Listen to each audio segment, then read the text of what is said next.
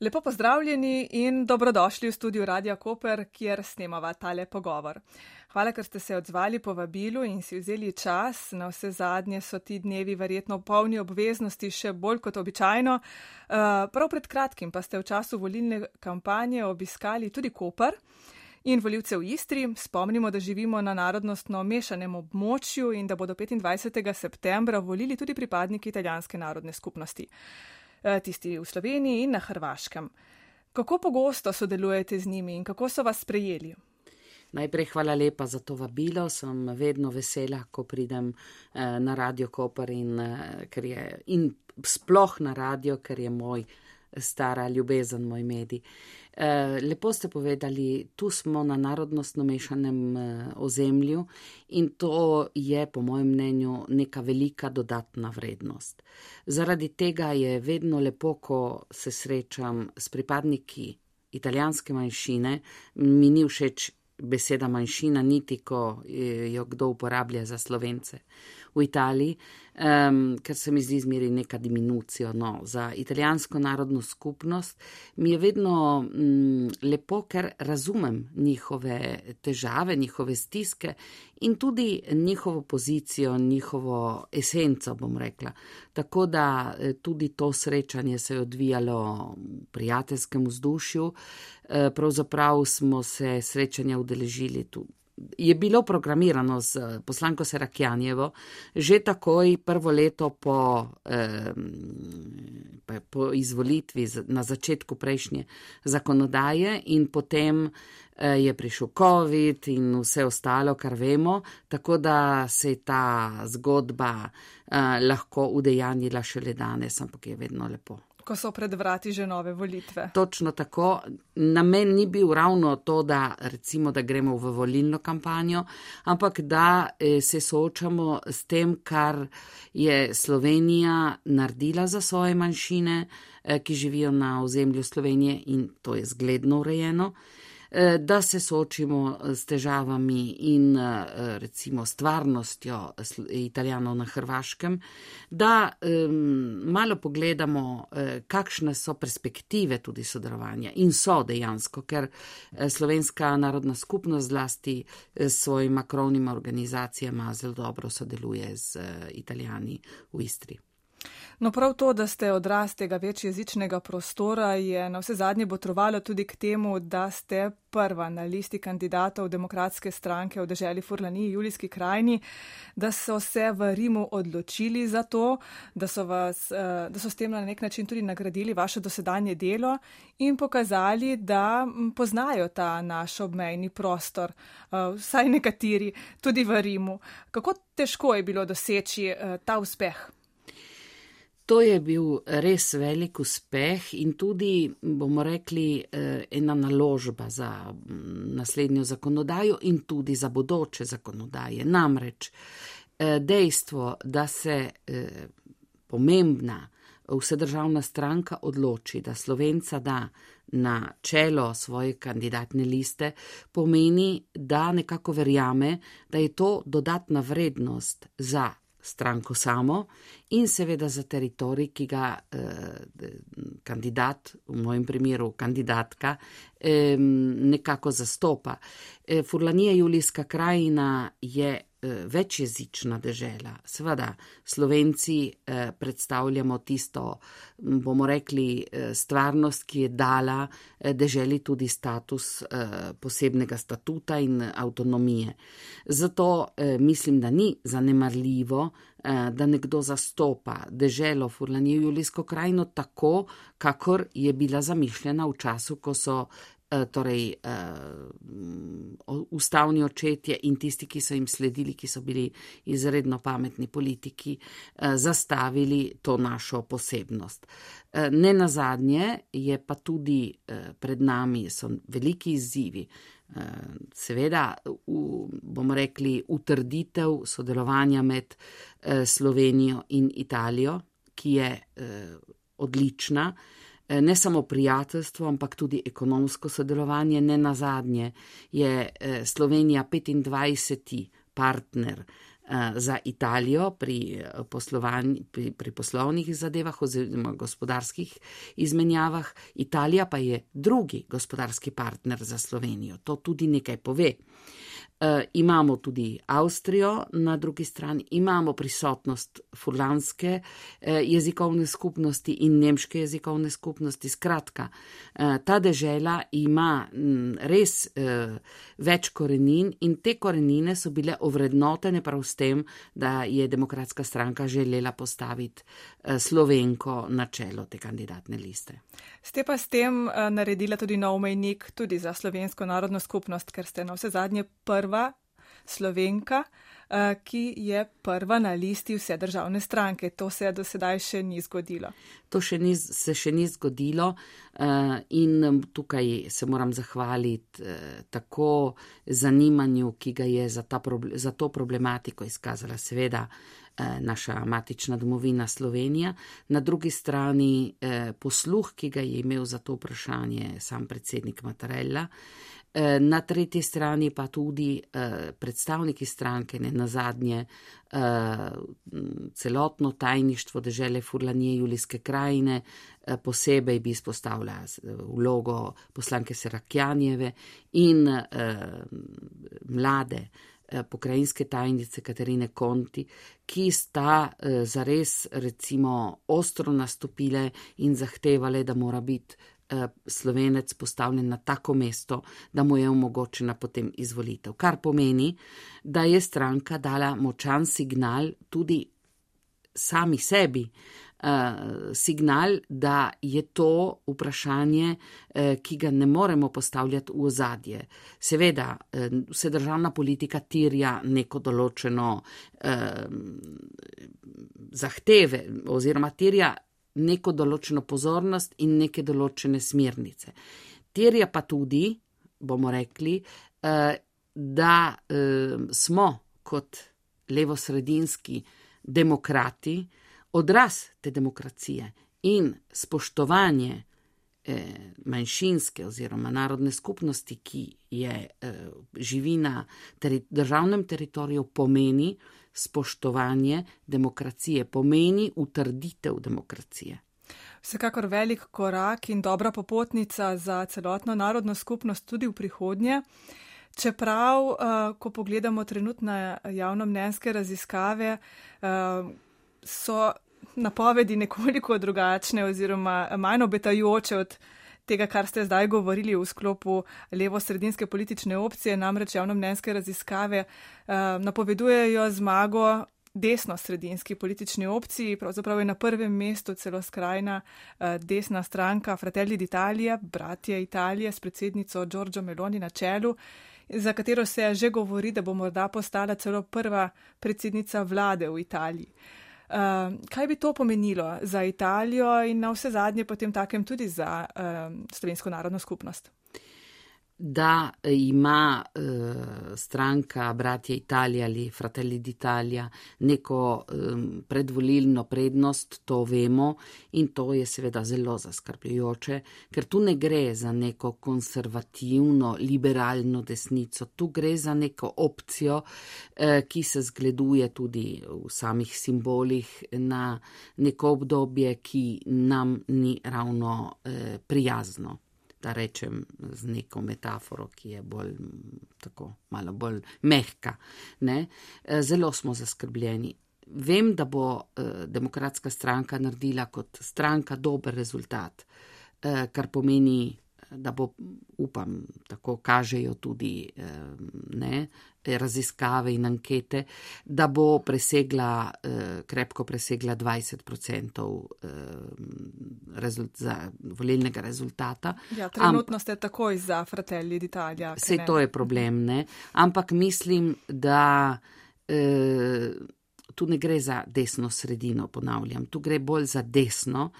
In nekateri predstavniki te iste stranke, ki sedijo tudi v državnem svetu Furlanije Julijske krajine, so pokazali in dokazali um, kar precejšnjo nestrpnost do slovencev, uh, kar seveda pomeni, da bomo morali uh, zelo paziti, kaj se bo sploh dogajalo. Uh, eno so obrazi, ki se kažejo navzven, druge so stvari, ki se pa kažejo navznoter. Tudi ne na zadnje, ta stranka je mm, neprijateljica Evrope. Ne prepoznava se v vrednotah Evropske unije, prijateljstva med narodi in državami. Če bi se to dogodilo, bi Italija nevarno drsela proti tisti skupini, eh, ki je recimo, eh, bomo rekli, antievropska, eh, ki se zgleduje po Orbanu, je sama povedala, da je Orban njen zgled Melonijeva. Torej, smo zares v, v trenutku eh, hude stiske in upam, ampak jaz verjamem, da državljani, ko bodo šli na volišča, bodo eh, razmišljali eh, tudi o tem, kaj bi jih pričakovalo. Videli smo, kaj je bilo, eh, ko je bil Salvini notranji minister. Uh, videli smo, kako ni imel nobenega spoštovanja do institucij. Uh, ko sem sama šla na obisk ministrice Lamorđezejeve na uh, torej Viminale, uh, sem gledala vse portrete bivših uh, notranjih ministrov uh, od Moroja, od dalje. In potem, ko sem prišla na portreta Salvinija, sem se spraševala, je, kam smo pa prišli, ne, da notranji minister pleše uh, v uh, kopalkah na melodijo državne himne. To so resne stvari. No, še marsikaj drugega smo uh, videli tudi ob uh, začetku konfliktov v Ukrajini uh, z gospodom Salvinijem. Uh, kako je pravzaprav ta konflikt v Ukrajini, vojna v Ukrajini, pravzaprav je to že, eh, ne moramo več reči, nažalost, konflikt, eh, in pa gospodarska kriza, do katere je pripeljala in vse zadnje socialna kriza, eh, v katero to vse skupaj vodi, vplivala na trenutno politično dogajanje. Mislim, da je to mm, srž samega dogajanja. Prihajali smo iz pandemičnega trenutka v Italiji, je bilo 160 tisoč mrtvih, to nekaj pomeni. Uh, in uh, že sam COVID je uh, pahnil državo v neko, predvsem socialno, družbeno, zdravstveno krizo in ekonomsko krizo, ker se pač, so se pač razmere krepko poslabšale za posameznega državljana. Vojna v Ukrajini nas postavlja pred še globljo krizo, ki bo uh, Eh, ki nas bo zajela in o tem ni dvoma. Eh, tako jeseni, eh, poskoč, že danes so v Italiji krepko poskočile cene elektrike, poskočile bodo cene plina. Ukrepi, ki jih bo sprejel, bomo rekli, ki jih bo sprejela vsaka posamezna občina, dežela in država, bodo v smeri varčevanja, Eh, danes eh, se govori o tem, kako bomo lahko zajezili, eh, torej predvsem račune državljanov, cene energije za male podjetnike in za družine, ki se bodo znašli res v stiski. Namreč pomislimo, da, bodo, da se bodo morale družine odločati, ki, družine z otroki seveda, odločati ali bodo lahko eh, otrokom nudile športne, glasbene, druga študije jezikov ali pa bodo plačevali račune na koncu meseca. To so konkretni problemi. Eh, v Italiji je zdaj, eh, prej, prav pred dnevi, smo brali, da je močno poskočila cena moke, kar pomeni, da bo eh, poskočil, poskočila tudi cena kruha.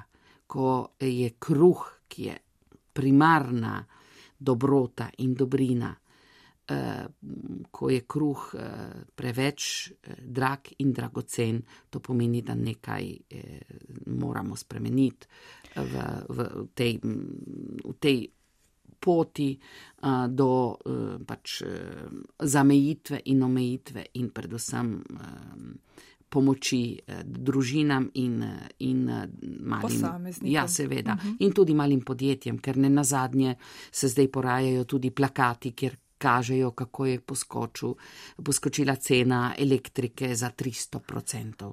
Tako je. Položnice, ki jih prejemajo državljani Italije, so že za trikrat um, više od tistega, kar si bile recimo na začetku leta in to zagotovo najbolj poleg gospodinstv obremenjuje prav te mala podjetja. Um, kakšne rešitve ponujete na levo-sredinski opciji? Na kaj stavite v demokratski stranki? Glejte, naslednji teden bomo še nekako eh, imeli poslednje zasedanje eh, senatne zbornice za tako imenovan dekret Ajuti pomoč, kjer eh, bomo skušali torej, odobriti vse tiste postopke za zajezitev cen, predvsem energije, seveda. Demokratska stranka je naredila zelo konkreten program, program, ki obsega kar nekaj točk, eh, predvsem seveda eh, pomoč družinam v stiski za jezitev, eh, kot sem rekla, cen, ampak predvsem, bomo rekli, razmisliti in postopati v smeri seveda tega, da bo državni proračun zastavljen in nastavljen tako, da ne bo nihče ostal brez pomoči. Tukaj gre eh, za izobraz, izobraževanje, tukaj gre za zdravstvo. Smo v hudi stiski, zato ker eh, se eh, pač desna opcija eh, usmerja predvsem v privatizacijo, v čim večjo privatizacijo storitev na, na zdravstvenem področju. To pomeni, da bodo tisti, ki so bogati, še bolj bogati in še boljše stoječi, in da bodo zadnji v vrsti ostali zares zadnji v vrsti. To neka leva stranka oziroma stranka, ki se prepoznava v levi, levo-sredinskih vrednotah, ne more, ne more na to pristati, to je jasno. E, iščemo e, študente, ki bi se odločali za študij medicine, ker je veliko pomanjkanje splošnih zdravnikov. Tu, tudi tu eh, je treba se zamisliti nad tem. Splošni zdravnik pomeni človeka, ki je dosegljiv, in ki ti lahko pomaga.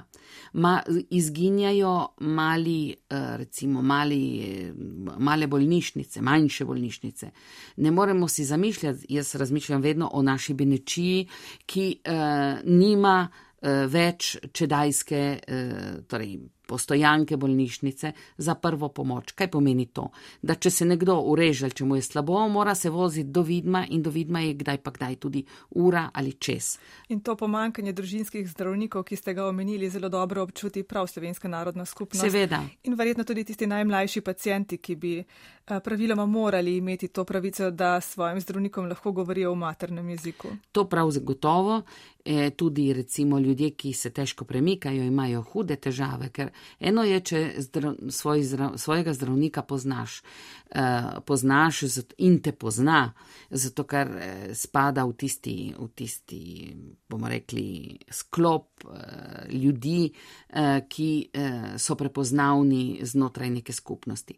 Uh, če se ti v svojem jeziku ne moreš pogovoriti z zdravnikom, če zdravnik ne pozna okolja, v katerem deluje, uh, če recimo otroci ne, se ne morejo, ki prihajajo iz uh, slovenskih družin, uh, se ne morejo pogovarjati recimo s svojim pediatrom, ker ga ne razumejo enostavno, morajo imeti tolmača, starša. To pomeni, da ti že nekako zajeziš pravico, ki jo mora imeti vsak državljan.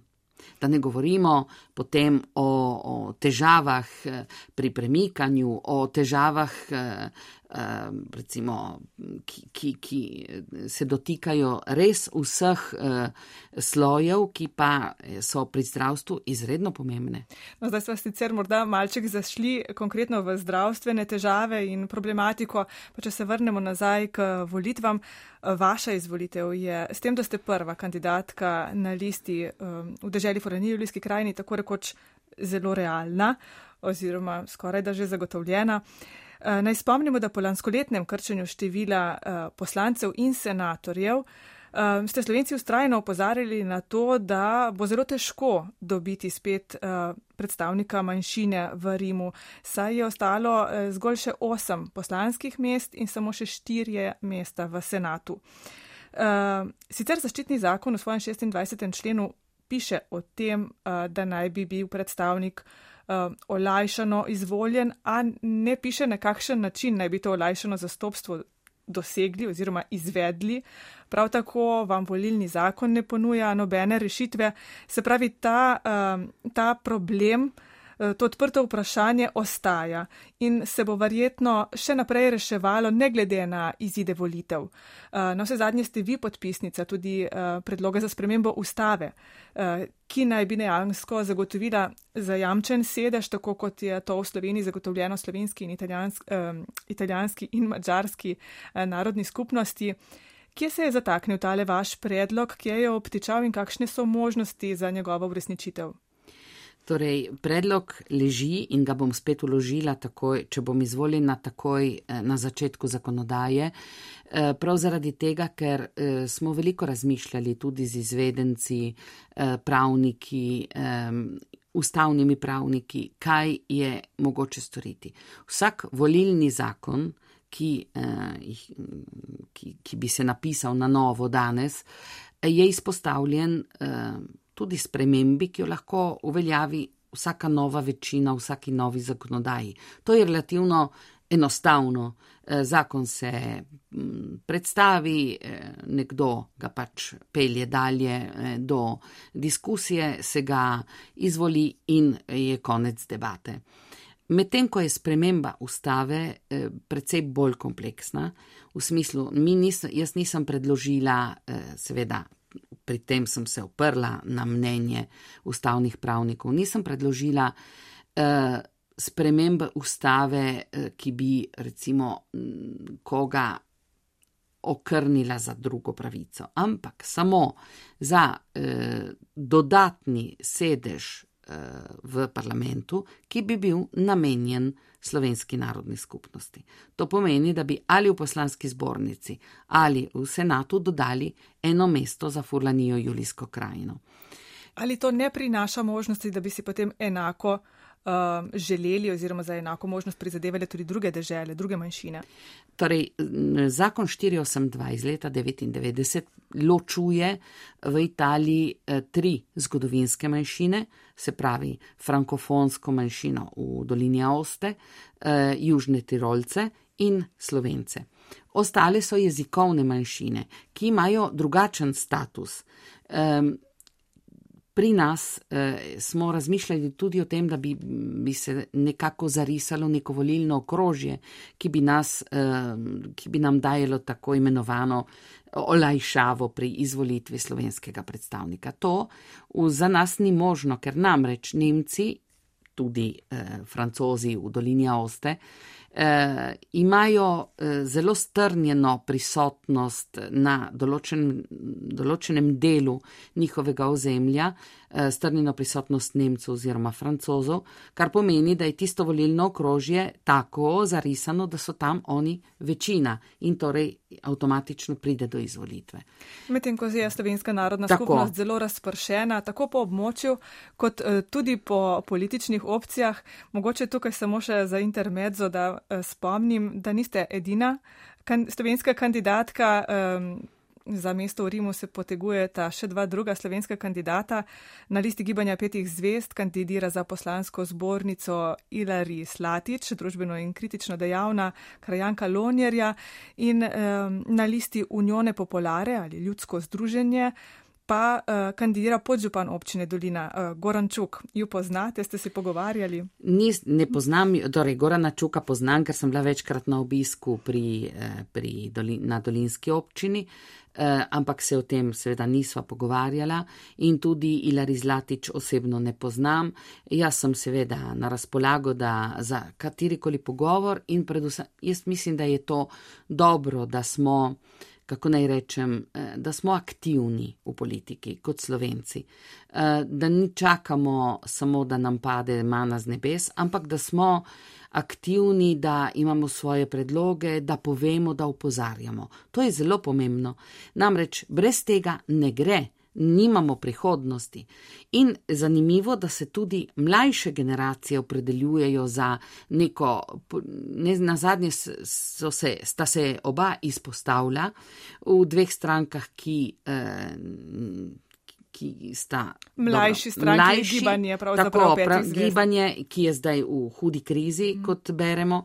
Ampak uh, dejstvo, da sta se dva mlajša slovenca izpostavila, pomeni, da je politika še vedno zanimiva. Zakaj pa je pomembno, uh, če se vrnemo k temu? Vašemu mestu oziroma vašemu delu v Rimu. Zakaj je pomembno, da ima slovenska narodna skupnost svojega predstavnika eh, v državnih organih? Eh, veliko se je recimo govorilo na zadnjih lokalnih volitvah, da je pa vendarle pomembnejše to, da ste prisotni na terenu, na domačih eh, tleh, v svojih domačih občinah. Povejte nam primer, zakaj je pomembno, da je slovenski predstavnik tudi v Rimu. Poglejte, mi imamo še veliko odprtih vprašanj. Imamo Magno karto, ki jo predstavlja seveda zaščitni zakon, ampak imamo še nekaj odprtih vprašanj, ki, eh, ki so. Eh, temeljnega pomena za slovence, mimo zastopstva, zagotovljenega zastopstva. Imamo vprašanje šole, imamo vprašanje eh, zaščitni, torej zaščitenih manjšinskih medijev, ampak na začetku zakonodaje ne pozabimo, da je bil celo naš primorski dnevnik na prepihu, eh, da ne bo dobil več eh, financiranja iz sklada za manjšinske medije. To so eh, vprašanja, s katerimi je bilo treba se soočati zelo, zelo konkretno.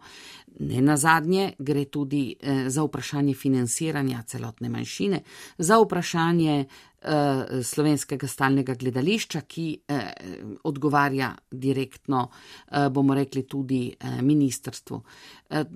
Imamo odprto vprašanje glasbenega šolstva. To so še danes odprto vprašanja, ki jih nismo rešili v teh 20 letih in ki niso tako enostavna, ampak jaz mislim, da mora nekdo sedeti na najvišjih, pri najvišjih organih, zato da posreduje eh, potrebe in zahteve slovenske narodne skupnosti pri najvišjih možnih organih. To je bilo jasno, recimo, ko, smo, um, ko je prišlo do, do, do vrnit, vračanja narodnega doma. E, postopek je bil seveda zaželen od vseh, ampak treba je bilo pa posebej slediti še drugim zapletom in ki so se, hvala Bogu, srečno razpletli, tako da je zdaj Narodni dom uh, v lasti naše fundacije, ampak uh, tu je treba človeka, ki uh, redno spremlja in pospremi, da tako, se uh, dejansko ne samo obljube uresničijo. In ne samo to, ampak da plete tiste, uh, tiste sinergije uh, rimske, ki pomagajo, uh, ker tu en sam človek bolj malo ne, lahko doseže, ampak sinergiji, v sinergiji z drugimi, z najprej s lastno stranko. In to je bil tudi razlog, jaz sem se namreč prvič kandidirala za, uh, kot neodvisna. Uh -huh. uh, In sem potem od, se odločila, da se upišem v demokratsko stranko iz tega razloga. Če imaš za seboj neko močno, neki močan politični organ, lahko tudi znotraj tistega organa nekaj dosežeš in seveda vsi institucionalni obiski, eh, ki so se odvijali v, tem, v tej zakonodajni dobi, čeprav je bil mest tudi COVID, ampak to pomaga, zato da pride v zavest najvišjih političnih sil in institucij, da smo Slovenci tukaj, da imamo neko zaščito, ki je predvidena, ki še ni udejanjena in ki jo je bo treba udejanjiti. To je bistvo. In pri vsem tem je verjetno izredno pomembna tudi podpora matične domovine in slovenske Absolutno. diplomacije. In prav tukaj, kot ste omenila, kljub uh, dvem letom, trem skoraj da pandemije, uh, je v zadnjih dveh letih bilo veliko storjenega na odnosih med Slovenijo in Italijo, na teh korakih skupnega medsebojnega spoštovanja, kot sta rekla predsednika obeh držav na srečanjih Sergio Mattarella in Borut Pahor, uh, ki ste ju vedno spremljali tako leta 2020 na Bozovici, ko sta se skupaj poklonila bozoviškim junakom in pa žrtvam povojnih pobojev, uh, kot pa tudi lani jeseni v Gorici. Novi Gorici, kjer sta pozdravila bodočo Evropsko prestolnico kulture. Eh, če se morda vrnemo zdaj k volitvam, eh, ali lahko močan zasuk v desno, ki ga napovedujejo javno mnenjske raziskave, okrne eh, to njuno začrtano skupno pot sodelovanja na tem čezmejnem prostoru? Glejte, predsednik Pahor zaključuje svoj mandat ampak eh, predsednik Matarella pa je bil komaj na novo izvoljen. Zdaj, če bo uh, ostal na svojem mestu v tem sedemletju, ki ga predvideva mandat za predsednika Italije, mislim, da bo predstavljal veliko garancijo za nas, ker nas pozna, ker mu je pri srcu to, kar se dogaja z nami. Eh, in seveda, eh, treba bo biti še bolj budni, še bolj prisotni, in tu je seveda vloga eh, tudi slovenske diplomacije ključnega pomena, ker vendarle, če nekdo nastopa samo v imenu neke manjšinske narodne skupnosti, ima neko težo. Če pa nastopa s tem, da za njim trdno stoji matična država, je pa to vse nekaj drugega. No, predsednik Pahor, moram reči, da vas je res rad obiskoval, pogosto obiskoval, bil je poleti tudi na senjamu Beneške pesmi, zgodaj spomladi. Eh, in zdaj pred kratkim celo na Kraški ohceti, priljubljeni eh, etnološki prireditvi, najštevilčnejši med slovenci v Italiji, eh, ki je letos celo privabila več kot tisoč narodnih nož na nedeljski poročni dan, ko ste si uh, zvestobo obljubila mlado poročenca, uh, tako kot to velijo stari običaji. Uh, bili ste tudi vi takrat prisotni zraven. Kako pomembni so ti državni obiski za narodno skupnost? Zelo pomembni. Poglejte, ko smo pospremili predsednika v Benečijo, Namreč, ko sem ga eh, povabila, da bi bilo lepo, če bi pred koncem mandata obiskal tudi naše benečane in je to vabilo takoj sprejel, ko smo prišli to, na, na kraj senjama beneške pesmi, eh, to je majhna občina s 300 eh, prebivalci, so bili ljudje ganjeni, počaščeni, eh, vsi župani, tudi tisti, ki ni, niso recimo predstavniki levo-sredinskih opcij, so bili navdušeni in celo eh, predstavniki orožnikov, ki so bili nekoč eh, naš, ne ravno na naši strani, so, izrecno, so se mi izrecno zahvalili. Nekat, eden posebej med njimi, ki uh, ima pa hčerko, ki obiskuje našo dvojezično šolo in je tudi pela v zboru uh, v pozdrav predsedniku Pahorju. To pomeni, časi so se spremenili, prisotnost um, najvišjega predstavnika neke države, tudi na takih območjih, ki niso centralna, pomeni zelo veliko. Pomeni, da nisi pozabljen, eh, da nisi drugorazredni državljan, da si v središču pozornosti in to ne na zadnje se je zgodilo tudi na kraški ohceti. Eh, nikoli si ne bi predstavljali, da bi lahko eh, predsednik republike obiskal neko pomembno praznik eh, slovencev v Italiji, da bi sedel na trgu eh, med ljudmi, ki so ga prišli pozdravljati. To kaže, kakšno, kakšen pomen ima ne nazadnje tudi na narodno zavest in na zavest, da imamo svojo matično državo in da to nekaj pomeni. Na drugi strani pa omenili ste obisk v Gorici, to je bilo pa še dodatna vrednost. Eh, namreč po tem, kar se je zgodilo na Bazovici eh, in v Bazovici, in potem, kar se je zgodilo eh, s tem, da je Nova Gorica skupaj z Gorico postala skupna, enotna Evropska prestolnica kulture. To, eh, da je to poudaril predsednik Matarella v svoji novoletni poslanici, ki jo poslušajo milijoni ljudi, pomeni, da smo lahko zares zgled eh, evropskim področjem. Upam, da se to ne bo začelo posuvati. No, ko ste že omenili ponovno Gorico in čezmejno sodelovanje, zdi se zadnje čase, da živi tako, kot mora, prav samo na goriškem koncu, morda pa malo bolj spimo tukaj v objemu Tržaškega zaliva. Zakaj menite, da je tako?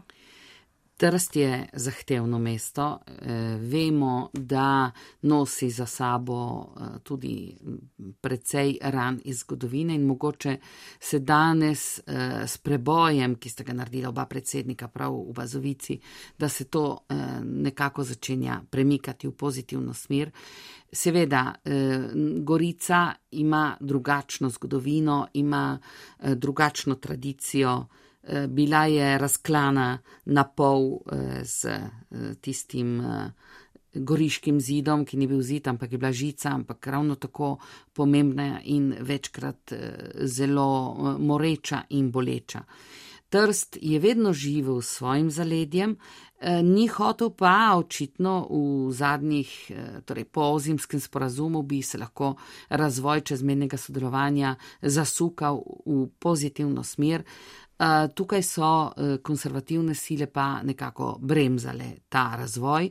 Danes, e, s tem, da je Slovenija v Evropi, se stvari začenjajo počasi premikati in mislim, da je bilo ogromno storjenega tudi zato in ne nazadnje tudi zato, eh, da vsak eh, od nas izraža drugemu spoštovanje za kar je bilo, ampak da obrnemo stran, da postavimo neko cezuro in gledamo naprej. Ne nazadnje tudi vrnitev narodnega doma je naložba za bodočnost in v bodočnost to lahko postane eh, izhodišče za nova sodelovanja, ne samo na kulturnem, ampak tudi na gospodarskem področju. No, eh, težko preteklost eh, Trsta je obravnaval in svetovni javnosti predstavil tudi eh, letos spremenil tržaški pisatelj Boris Pahor, katerega ste bila tudi izredno dobra prijateljica, ne samo sodelavka. Pred kratkim smo se spomnili njegovega rojstnega dne, 109 bi jih imel konec avgusta.